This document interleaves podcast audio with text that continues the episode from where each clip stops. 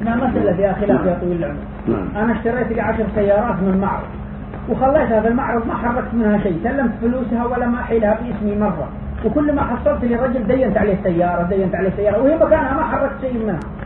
لا حركتها أبدا بس دفع- دفعت المبلغ فقط. كيف هذا البيع وهذا الشراء؟